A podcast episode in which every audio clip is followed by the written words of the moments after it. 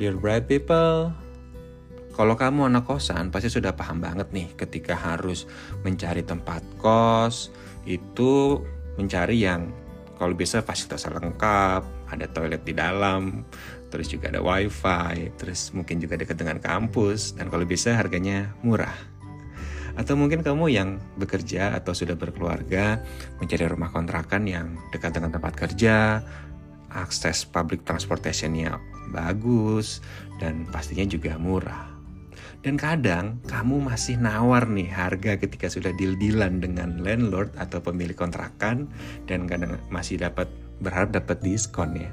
Nah tapi nih teman-teman, saya di sini di tempat saya belajar saat ini di Adelaide, South Australia, itu lagi parah banget untuk mencari akomodasi. Bahkan kita sudah menaikkan tawaran rent kita, harga sewa kita itu masih ditolak juga. Nah, mau tahu ceritanya? Bersama saya di Mas P. Muharam di Perantau Ilmu. Assalamualaikum warahmatullahi wabarakatuh. Halo halo bright people, salam sehat, bahagia dan juga sukses selalu ya buat bright people semuanya di mana pun berada masih bersama saya dari kota Adelaide, South Australia menemani saya studi S2 ya di, di University of Adelaide dan saya ingin mengucapkan terima kasih buat bright people semua yang sudah subscribe, follow podcast Perantau Ilmu ini baik di Spotify, Google Podcast, Apple Podcast, dan juga platform-platform yang lain agar kamu selalu mendapatkan update nih, update dari podcast-podcast yang baru masuk. Nah, jadi kita mau cerita nih soal satu rivalitas yang agak unik nih ya. Kalau misalnya rivalitas itu biasanya adalah rivalitas dalam prestasi misalnya kalau teman-teman di sekolah atau di kampus itu bersaing uh, prestasi dengan teman yang lain atau mungkin rivalitas dalam dunia olahraga atau kompetisi seperti rivalitas di kota Manchester Liga Inggris antara Manchester United dan Manchester City yang sebetulnya 10 tahun terakhir ini agak agak nggak imbang ya persaingannya menyedihkan memang sebagai fans Manchester United atau juga Derby of England antara Manchester United dengan Liverpool. Nah, di sini rivalitasnya itu adalah bersaing untuk mencari akomodasi yang layak. Jadi pengalaman terakhir saya kemarin karena saya di sini sudah dua semester. Jadi ketika border open di Australia kemarin bulan Desember, uh, setelah saya tuh dapat beasiswa Australia Awards kira-kira awal tahun 2021 ya pengumumannya saya daftar tahun 2020 diumumkan tahun 2021 dan akhirnya baru bisa berangkat di awal tahun 2022 itu karena uh, Australia selama 2020-2021 mereka border close kan tidak ada terima uh, migrate yang masuk gitu kan nah dan setelah dua tahun itu saya berencana untuk mengajak keluarga saya untuk ikut menemani studi di Australia sini. Selama dua tahun ini saya hanya bersama carer saya dengan adik saya di sini. Jadi waktu datang itu relatively mudah lah untuk cari akomodasinya karena kan hitungannya sama-sama single dan tidak bawa anak kecil gitu ya. Jadi saya selama satu tahun ini tinggal di apartemen yang ada di CBD yang ada di CBD uh, eh, pusat kota Adelaide-nya. Dekat banget dengan kampus, tinggal merem lah ya.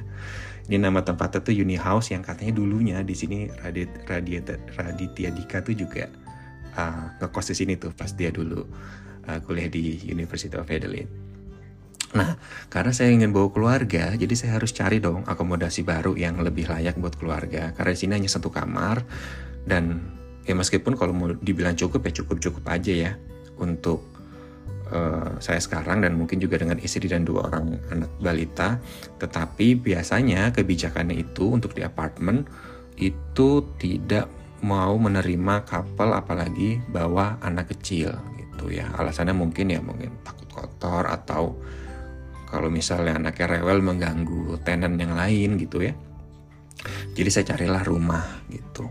Carilah rumah. Yang pertama itu Oh ya, kalau di sini itu cari rumahnya itu agak beda ya dengan kita di Indonesia ya. Kalau kita kan pakai semacam OLX atau cari di marketplace gitu. Sini juga sama ada pakai marketplace, tetapi semuanya itu biasanya sudah dipegang oleh property agent.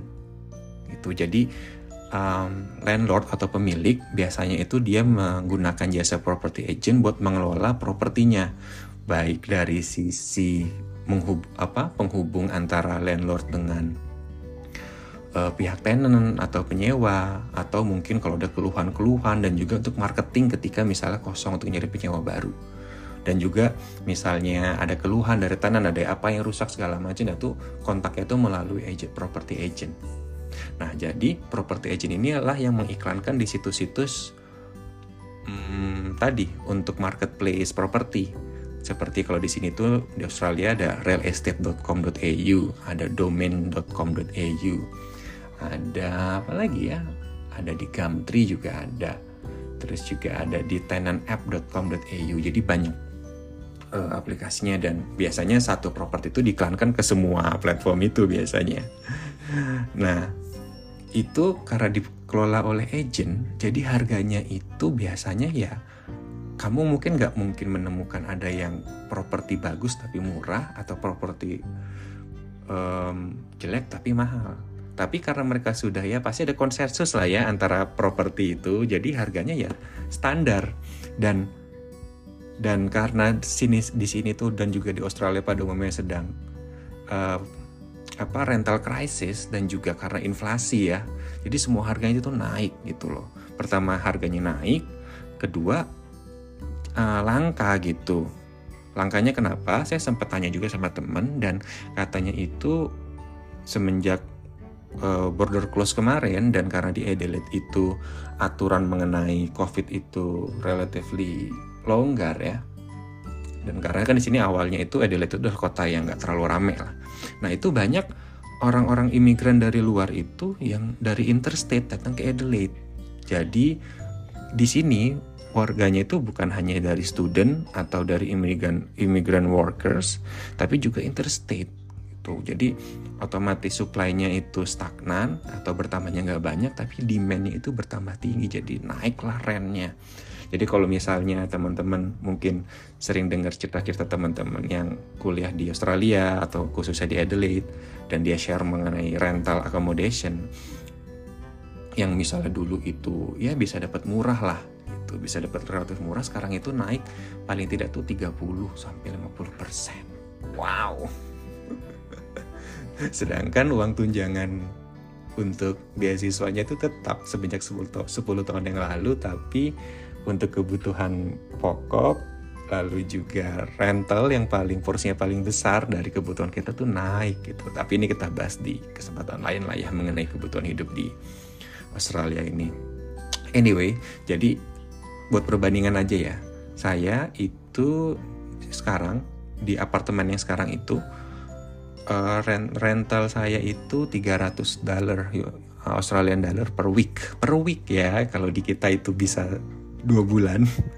3 juta itu kali aja 10 ribuan lah ya rate-nya kursnya. Tapi ke di sini tuh per week. Itu 300 dolar per week. Nah saya itu di CBD ya.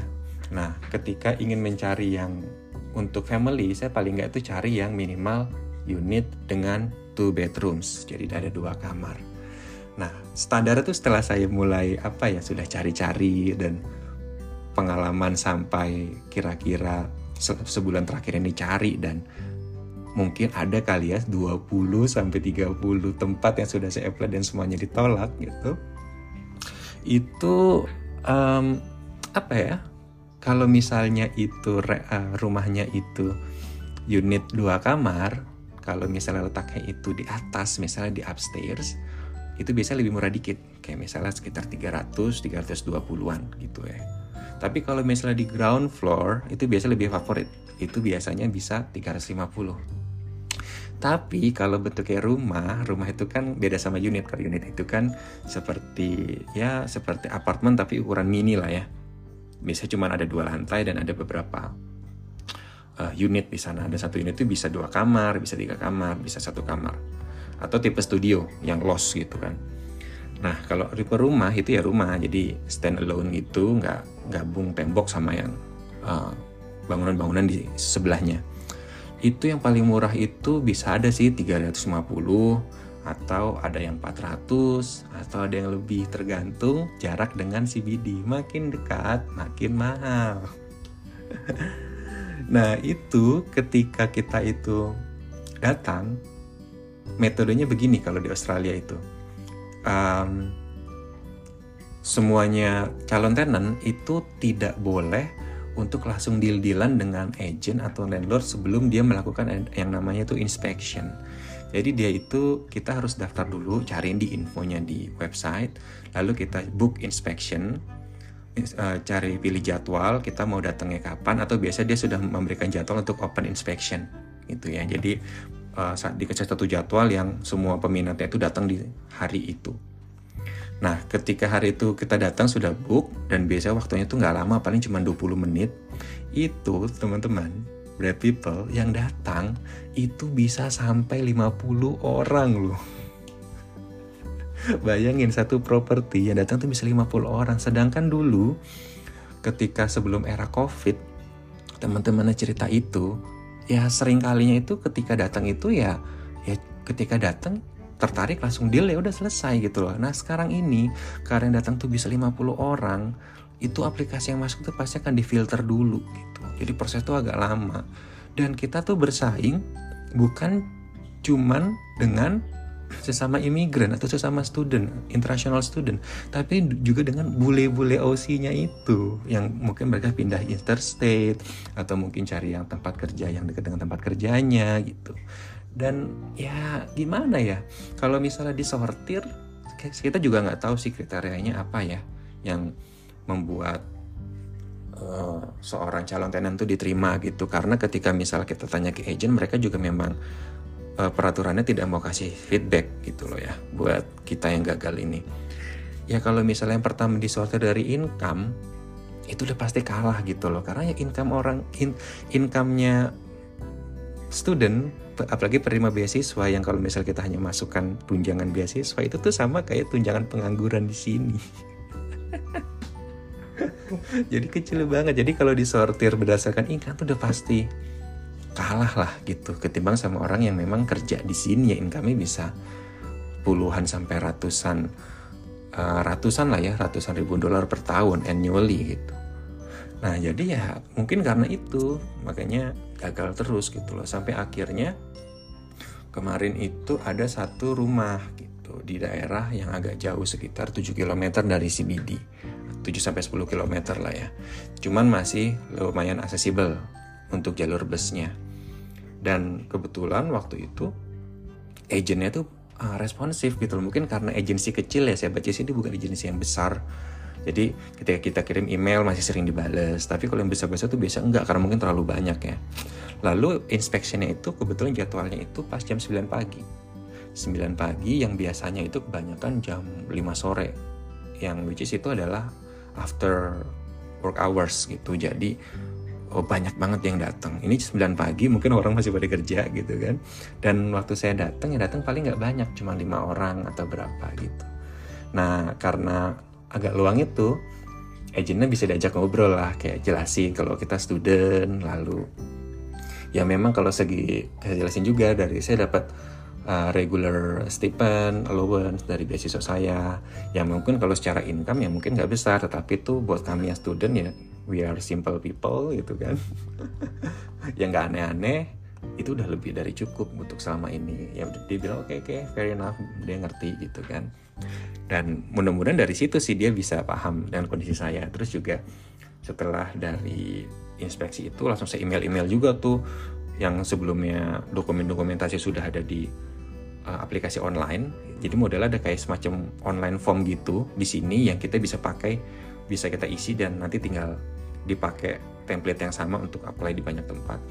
Nah, saya uh, email, saya jelasin lagi itu saya attach attach tuh apa saya attach tuh beberapa dokumentasi kayak uh, letter dari kampus yang menyatakan bahwa saya sudah di sana dan berapa penghasilan saya, terus juga dokumen-dokumen uh, lain lah ya kayak apa tuh um, rekening apa bank account terus juga um, seperti tagihan listrik dan lain-lain gitu ya. Dan juga uh, reference dari ini ya referral dari property agent saya saat ini uh, property manager yang menyatakan bahwa itu ya selalu tepat waktu kalau bayar rent gitu kan.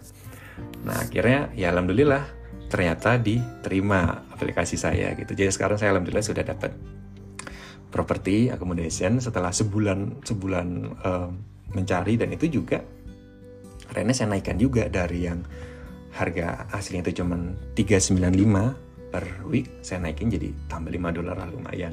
Yang dulu tuh saya pernah rentnya itu 300 saya naikin jadi 350 tapi nggak dapet. Nah jadi mungkin bukan salah bukan hanya faktor rent ya kita bersaing tapi ya kita harus bisa meyakinkan ke property agentnya gitu. Nah itu rivalitas saya di sini di, di perantauan dalam mencari akomodasi. Dan ini adalah bagian dari tantangan 30 hari bersuara tahun 2022 dari The Podcaster Indonesia. Dan juga bekerja sama dengan uh, komunitas Podcaster Netra Indonesia. So, thank you. Uh, jangan lupa kalau mau terus dapat update dari cerita-cerita saya, dari pemikiran-pemikiran saya, bisa di follow dan juga subscribe Perantau Ilmu di Spotify, Apple Podcast, uh, Google Podcast atau juga platform-platform yang lain. Dan kalau mau interaksi dengan saya bisa di Instagram di @dimastereducation atau juga email ke me at dimasmuharam.com. Thank you, Dimas is signing out and see ya.